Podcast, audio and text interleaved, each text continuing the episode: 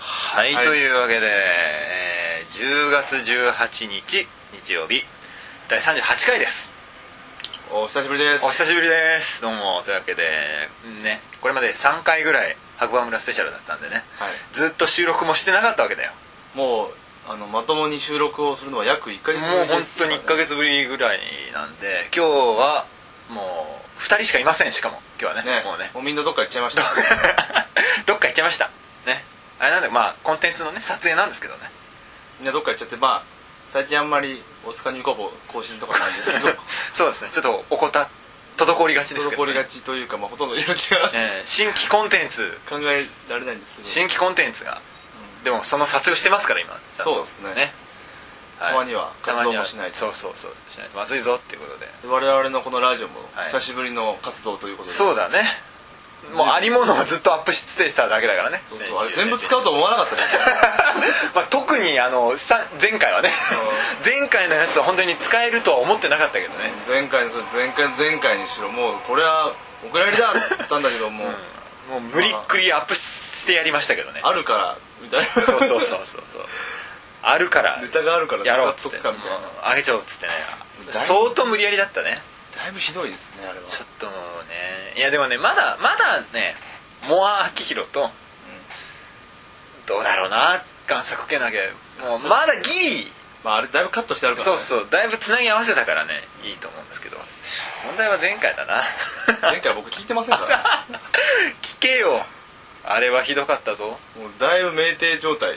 酒飲んでないけれどもなそうなんだろう気分がね電車で酩酊状態で、もう俺本当ねあの後団子坂についてええ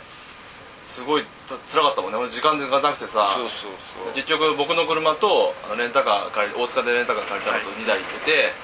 で終電がなくなるとそう もうね帰れる人がいなくなっちゃうから、談合坂の時点で10時くらいだったっうんそうそうけでこのままだと新宿までに2時間以上かかるっつって、はいで終電なくなっちゃうどうするっていう話し合いをしたね談合坂でやりましたね談合坂でまさに談合談合したわけですよ言おうか言うまいけどまあ迷って言わなかったんだよ俺は今言わなかったケースなんだよ酩酊状態とかいう言葉が出てきてもあ気がめいっていてねみたいなことを言おうと思ったけどそれも言わなかったんだよ俺は今あそうなんで自す粛したん だよでも自粛する番組じゃないからそうだもねやもや抱えちゃうでしょあーの方がそうかそうかそうかあれじゃああ言わ言わないんだ思ったことを思った順に言ってくラジオだもんねこれはねそう後からピヨン入れればいいんだからねね寒すぎることを言った時もピヨン入れようかピーヨンが好きになってそうる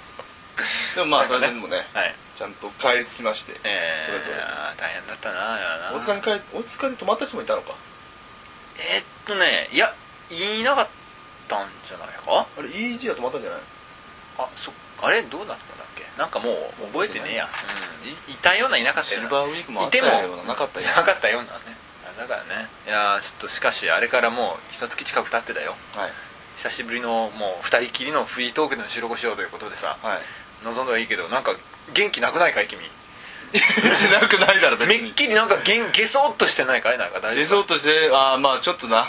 なそれはじゃあ後で話す夫よおおなるほどねなんかあったんだげそっとす理る想とするようなことはしちゃった原因があったんだねじゃあちょっとそれはじゃあオープニングの後に話してくれまいかということで、じゃあちょっと今日はまあお久しぶりの純粋なお久しぶりなフリートークでいきたいと思いますけれども、じゃあ今週も行ってまいりましょうドン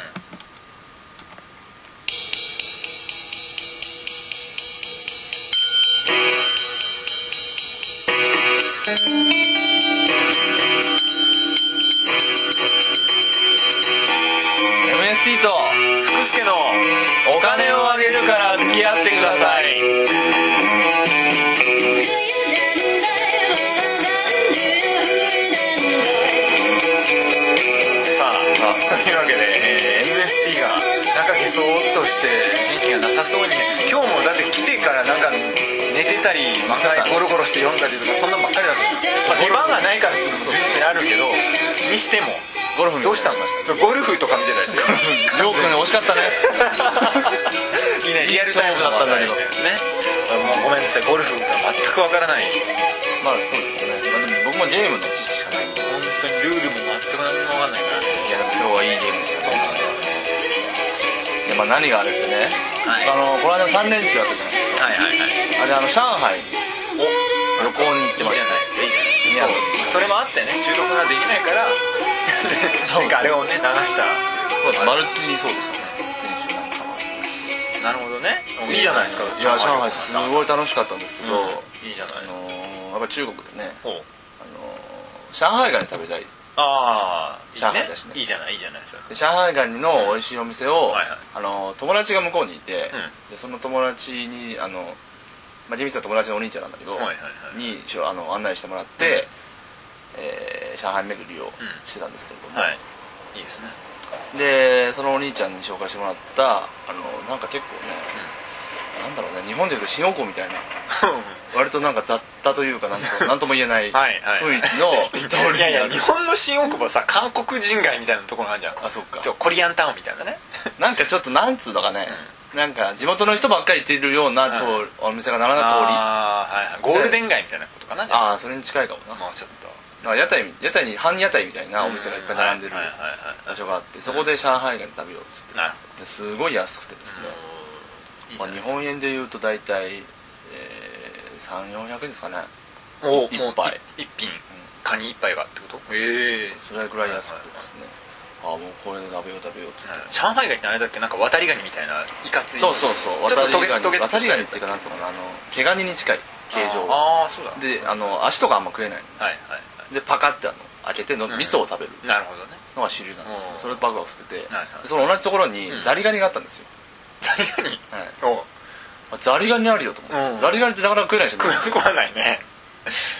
ザザリガニ食うしかないなと思って、んザリガニ食いたいって言うから田んぼや沼にいるからそうそうあんまり美味しそうなイメージもないこれぜひいただきたい、はいはいザリガニがもうこれくらいなんなんだろうボールにワンサとおー30匹かなおるわけや入って、でまあ茹でたやつなんですけど、はいはいはい味がついたやつなんですけど、うんでそれが来てそれをバキバキって折ってね、つるっといい食ってねたんですよはいまあいっぱい食いついたのかな、うんその後シャコも食ったんだけどうね、んシャコってわかるわかるわかるちょちょっとグロテスクなそうグロいうんはあれもバキバキと割っいはていね、はいシャブシャブっとシャブシャブっと食ってたんですけどもね、うんいいじゃないのいいじゃないのあなた一通りもうカニとね、ザリガニとねもう甲殻類ばっか食ってたのねそうやってね一通り食べたんですけど、うんまあ、ちょっとなんかその後ねはい胃にもたれたんですねおおなんかもう、なねもたれてんなっていうあなんか胃に沼が張ってるなってあなるほどね ちょっとドロドロっとしてるぞっていう感じしたわけだなんか今まで感じたことのない胃のおおなんか 沼感、インスタント沼感がねそう胃あったわのけ胃だの中の沼感沼感これ何とも言えないんだけどねこれ本当に体験してもらったらねこれ沼感がねバッチリ集まるなんはだまろるうんですちょっと斬新な感覚だよこれいやだから沼が張ってあった体験したことないよこれ多分俺な沼ん感かね 単純に油切ってう胃がもたれるとかそういうんじゃなくてじゃないんだ沼が張ってる感 じ沼が張ってるそしたらまあ案の定ですよおお次の日からもうバー下しま したバーバーン下しましたあーうちの家沼がもう帰るって言うんだけどさ、もう朝はまだマシだったの、昼からもう静岡コッパコッパ怖い よ本当に 突発性の下痢下痢は大概突破するけど突発性の腹痛下痢下痢あの最近 CM やってるじゃないですか IBS してますよあの気の弱そうな人がさ「あ辛いよね突発性の下痢」っていうっていうやつであんな感じでさまさにすげえ本当一瞬え何 一瞬いでや催してからがああなるほどもうね来たと思ったらカウントダウンが、うんまあ、通常であれば23分、23分とかまあ45分の猶予は何歳とかもあるはずなんですけど、すけど痛いな痛いなみたいなねそうカウントダウン10から始まる んでいきなりいきなり、うどんじゃーみた いなテンポ感が焦るよあれは本当にでしかもさ上海の知らない土地でね、トイレを探すの大変ですよ、はいはいはいで下手したらさ本当にあのー大便器の前に小便器があって要するに囲いがないまああ割と普通にあるから、はいはいはいそこだけは嫌だと思って、なるべくきれいめのデパートに入って、でしたんですけど、まあ、そこでもなんかあの和式というかねまあ和式というのかどうか分かんないわかんないけどね洋式じゃないやうつんやつはいであのトイレの紙は自分で買うというタイプですはいはいはいはいまあその紙が硬いんですわねなるほどねえまあ1元だから15円くらいですねなる一袋ほどはいはい皮がまあそれケツが硬いからバリバリだもうなんつうんですかもう汚い話ですけども、拭いたら血がつくんです よ切れちゃってそんななのそんなえうんどんわらばんしみたいな感じ本当わらばんしわらばんし、ねえわらばんしわらばんしをちょっと柔らかくしたくらい白くしたくらい、 本当ああ辛いねそれは辛いですすっげえもう血痛くてもうそっからもう始まってさもう尻がビンタされてるようなもんだからねほんとほんとだからもう帰りの飛行機の空港入った途端にまた来てわでそこからいろいろ手続きしなきゃいけないじゃないですか、もうその手続きをもう友達に任してパスポート渡して、もうとりあえーおなん かず便所探しに行ってさ、めちゃめちゃ広いね空港ってああまあそうそれもう端から端まで 100m ぐらいあるのだはいはい極はい端な話、えそれもうねえトイレどこですか?」っつって聞きまくって「トイレ!」っつって「トイレ!」っつってえどうど「うですかこちらこちら」こちらなんか右の方を指したりするんですけど、ちゃんとやってくれないわけ、要領を得ないんだな、うんだからなんかポッと手をね回すだけなのどっかわかんねえだろと向こうの方向だけじゃほん方向って一番端はすげえ遠いんだぞっていう感覚的なね方向大体あっちの方みたいないやだからもう久しぶりにね冷や汗でねシャツびしょ濡れですわ、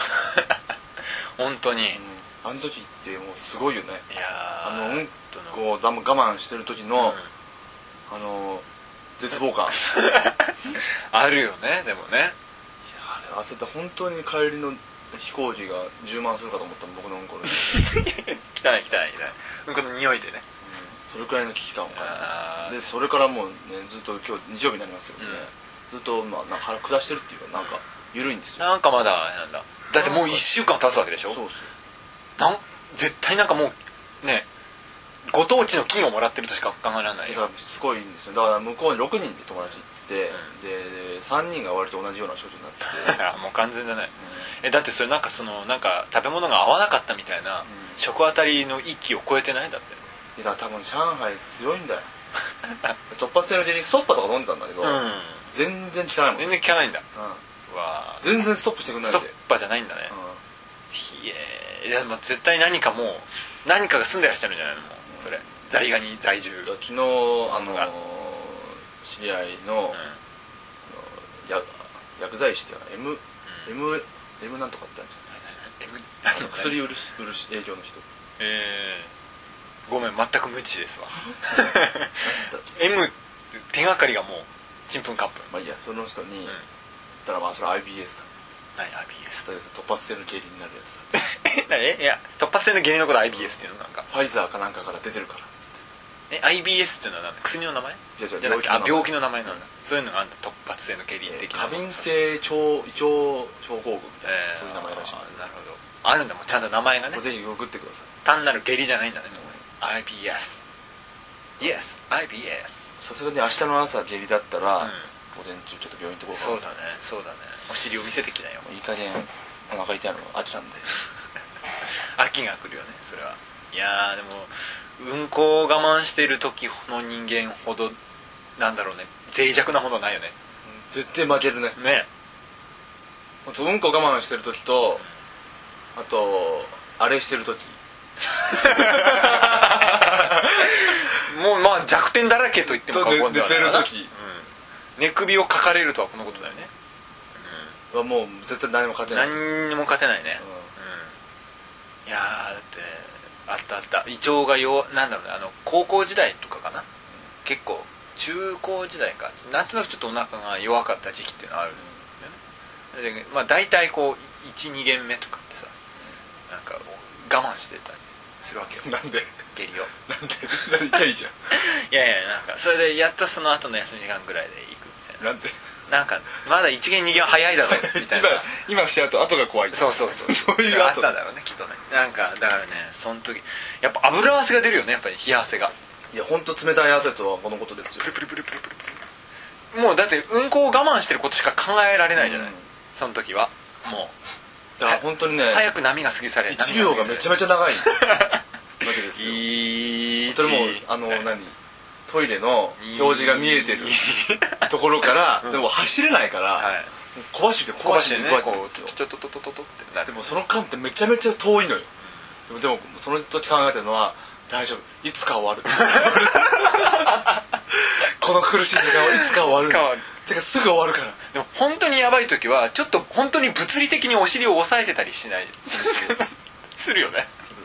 しない押されてないと危ない危ない時はあったよね本当に少しずつ水みたいなもんだからだって本当にで恥ずかしいのがちょろさちょろちょろってなるわその上海の空港でさ、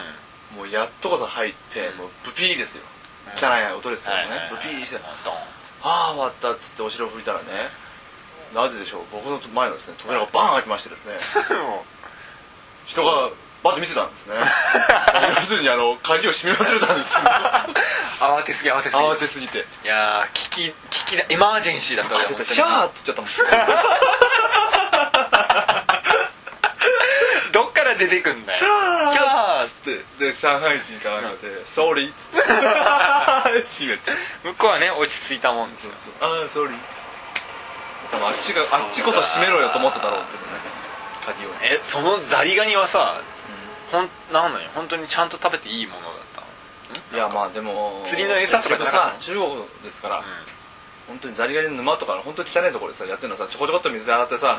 でも蒸してたりするんじゃねえのっていうこまあと、まあそうだよね、え味はどうだったのって味はうまいっすよあそうなんですか上海ガニもシャコも、ザリガニもすごい美味しいですザリガニうまいんだなんザリガニうかまいでも本当にそれこそ見た目通り泥すんげえ泥臭いイメージがあるいやあのねやっぱ味付けてあるし、あうんなんかちょっと辛めの味をつけてある的にはどうなの本当にエビなのエカニなのビに近いねうんエビにちょっとプリッとしたエビな感じで、そうシャコが美味しいってなったんですよまあだってほら寿司ネタ高級しゅ寿司食材じゃないですかそんなチャムなんてでもシャコやっぱグロいよね、このくらい あのさそうな生身のね そう20センチみくら見たいのさ目はね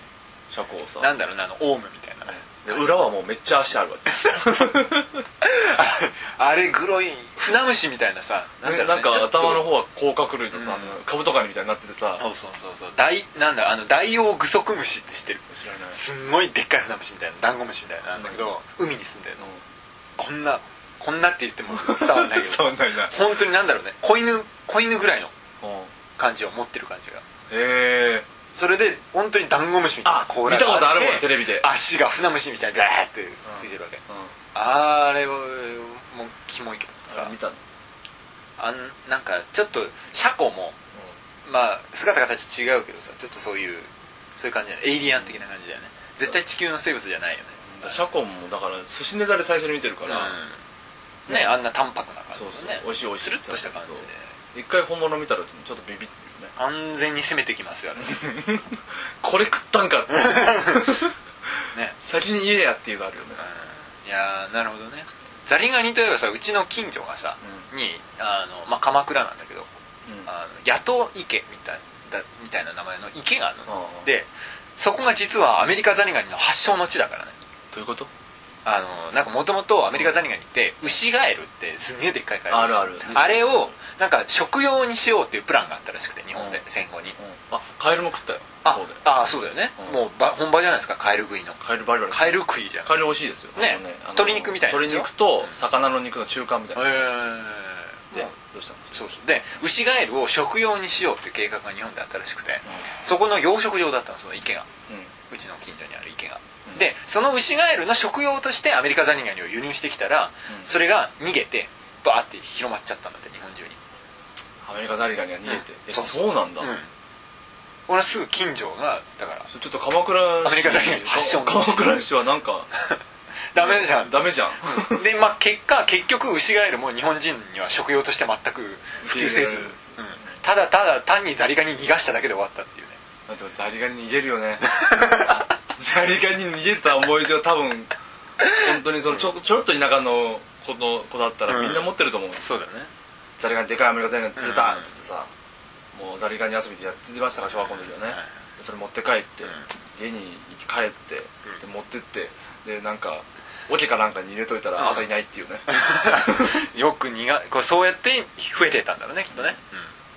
でニアで干からびて死んでたみたいなのがありますよね臭いんだまたザリガニな臭い臭い腐ったザリガニは臭いんだ本当に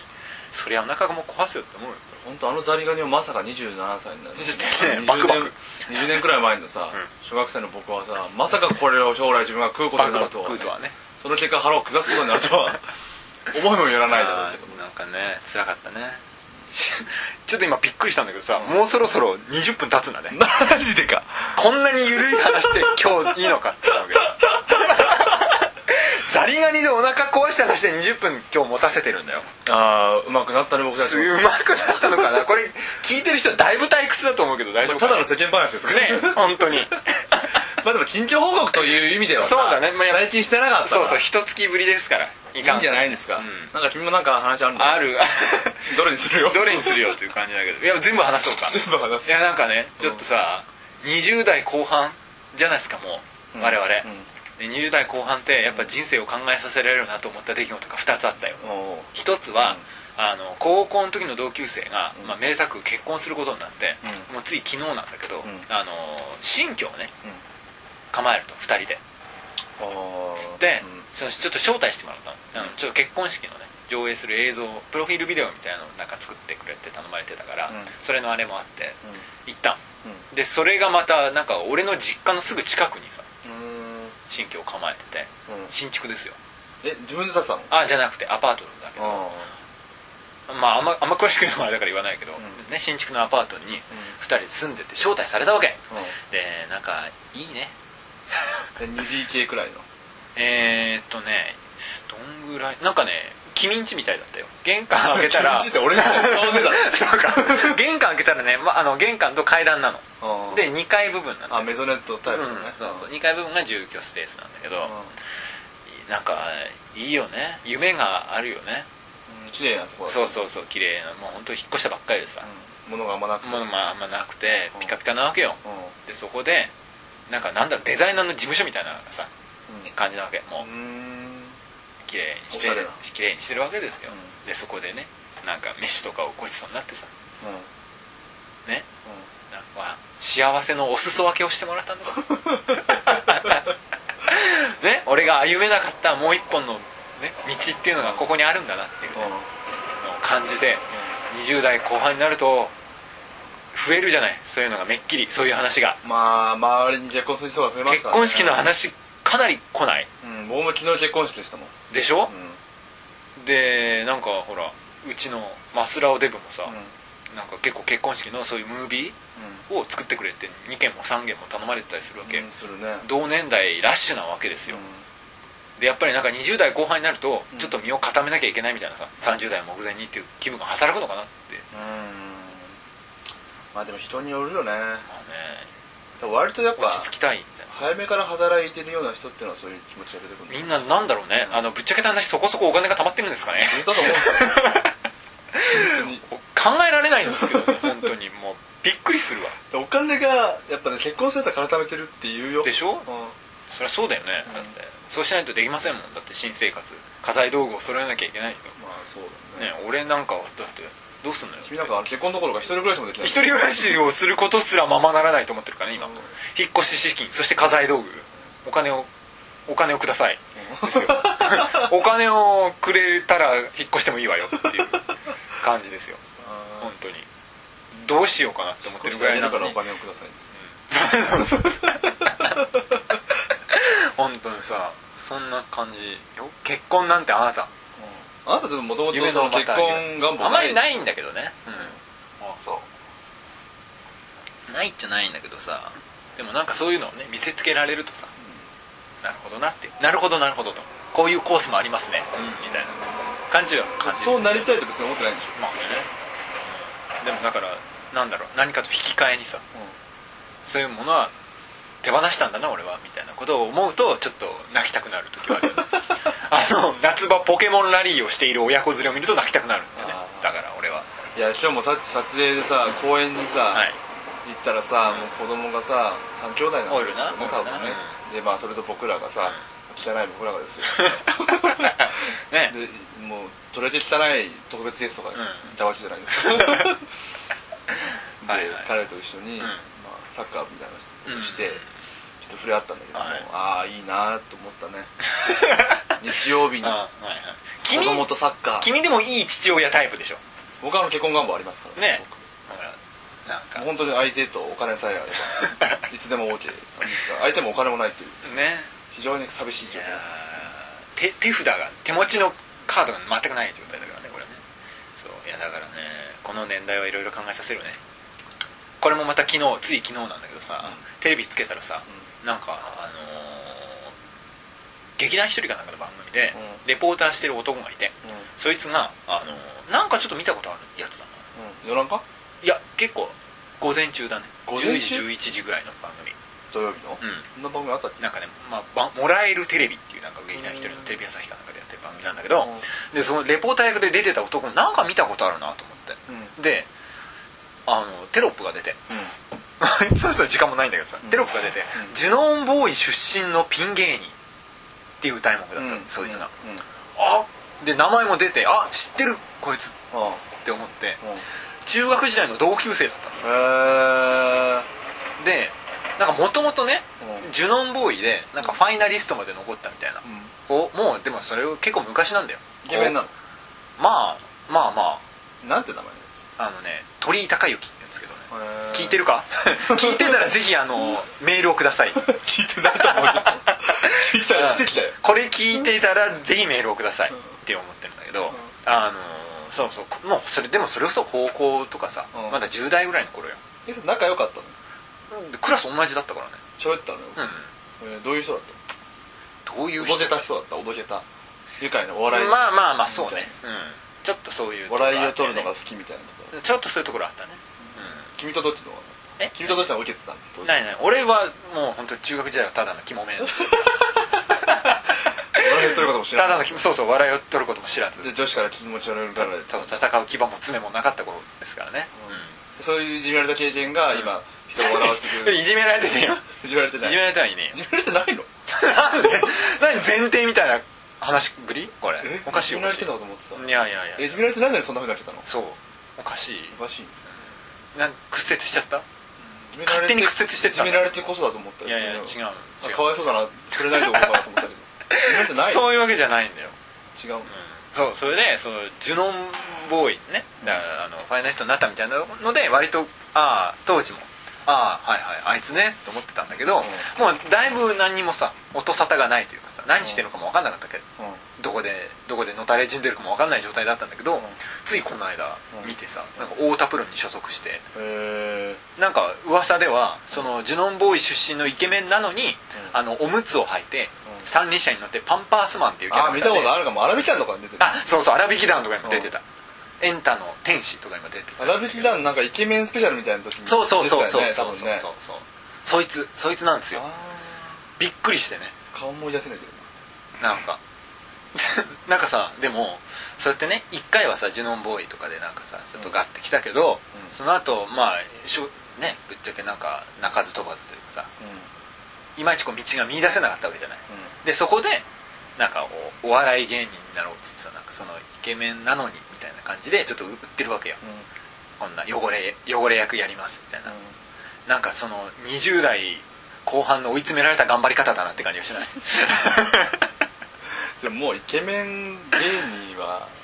もう余ってるでしょまあですかねあのイケメンなのに汚れやるっていうのもだってまあねだ狩野英孝はイケメンじゃないけれども、もうまあ一応イケメンで言出うしてたら言うたらだってねあのチュートリアルの得意とかだってさ変態キャラじゃないですかでそういうものああるるかからね得意ってでもあんまり汚れやんないよねあまあ確かにね、うん、でもなんかさその頑張ってるなって思わない その頑張り方が30を目前にした男の頑張り方だなっていうもうそろそろなんとかケツに火がついてる、うん、そのなんかなりふり構わずに吹っ切れたぜみたいな感じがさするよねっていう 頑張ってほしいですけどねまぜあひでもそうですね20代後半になると若干考え方がうん、変化するかもしれないですそうねそうそうなんかそういうのを俺は鳥居隆之に見たよ昨日、うん、頑張っておるなっていうね劇団一人に「お前は鬱陶しいな」っていじられてたけどね君はどうするね俺も ね俺もだからそろそろ焦る時期だよのね何を合わせる20代のうちにっていうのあるよねやっぱりねのなんかあんの目標はなんかねなんかしないとね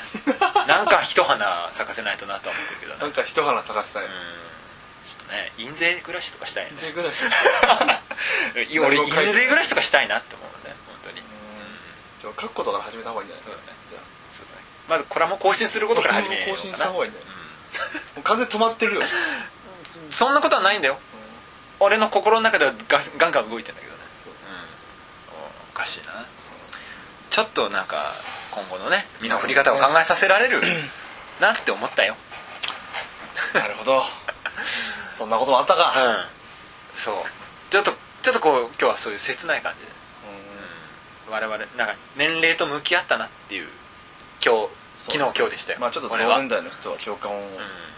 得られる部分もあると思いますけど結婚や結婚や芸人を見て思ったよ俺はちょっと結婚はでもしてえ な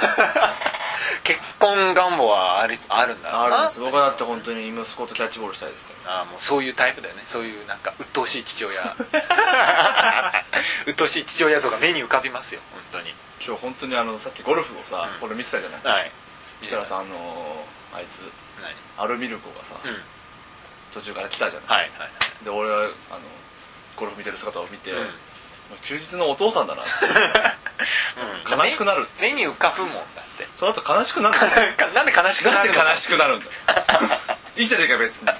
そうね休そ日れのがお父さんスタイルでもいわば MSC にとってそれがゴールですよねそう だよ僕の理想は休日のお父さんなんだからゴールを見て悲しくなるって言われ 意てもね味が分かんないだろうね本当に、まあ、そんなアルミルコに俺は生き見てると生きてる心地がしないって言われたからね 生きてる生きてるひどい頑張って生きてるよって思いますけどねいやまあそんなこんなでいや今日はこんなもんすごいねすごいですね淡々とこれで淡々と31淡分々ですかとら話し続けて31分、うんいやー持つもんだね持つもんですね、持ってるのが聞いてる側はこれ本当に持ってるのか分かんないんだけどもう俺らが単純になんか飲み屋で喋ってるみたいな感じになってますけどもね、でもそういうのもねね久しぶりですから、まあちょっと過去、はいちょっとねここのとこここのとこちょっとずるずるとうん、だからここのとこ僕ら喋ってなかったなかったからちょほっとなとかんど出てなかったと言っても過言ではないお互いちょっと喋りたいことがあったそのかうだねもあったのと言いつつも話題は昨日今日のことなんだ けどねまあそんなこんなでちょっとね投稿もまためっきり来なくなってしまいました投稿本当ごめんなさいですよなんで来ないんですかこれねあのさ一番最初に投稿してくれたつまみひよこ豆さんはい我々あはれはね扱いがひどすぎたねきっとなあのねちょっと優しくしなかったから優しくなかった初めてなのに初めての相手なのに優しくしなかったそうよくない男として男として最低の我我々は反省してますね男として今このように神戸を垂れてねあの土下座をしながらお送りしてますんで、そうです本当にもう地に地におでこがスリスリしてますから我々は、つまみひよこ豆さんごめんなさいと本当申し訳ないあのこれぜにひ懲りずにもう一回つまみひよこ豆さん送ってきてくれてもいいよね何のコーナーでもいいです、まあ単純にあの時はムカついたっていう話 をメールしてくれてもくれても全然いいです粛々と受け止めます必ず読めるよ、はい今ならねってことでもう他の人も何でもいいんでメールくださいと僕らのことをダメ出ししてくだあさってもいいですねね意味でそはうねいうのお前らなどと足毛にしてもらって構わない前らがその投稿者の様に対してだな、その舐めた口を聞く資格なんかないんだみたいなってないぞというダメ出しでいいですよ本当にはいはい、思わないんで、ねなのでもうはい何でもいいんでメールくださいっていう感じですね、コミュニケーションしましょうはい。 ぜひコミュニケーションしましょう。一方通行になってますから。というわけで、じゃあもう、えっ、と、何でもいいんで投稿くださいということで、えー我々はもう、じゃあ土下座をして、そうですねね、地に頭をすりつけたま ま、えー今週のお別れになるんですけれども、はいまあ意外と長くなりましたねねえ、こ本当ですね。あの、あれだ、IC レコーダーに来るようになってから、30分ちょっと過ぎても大丈夫だっていう、容量的に。っていうのはあってれね前まではもう15分20分ぐらい太鼓終わんねえからっていう 感じの焦りがザリガニの話で20分経った時はびっくりしたびっくりしたねいや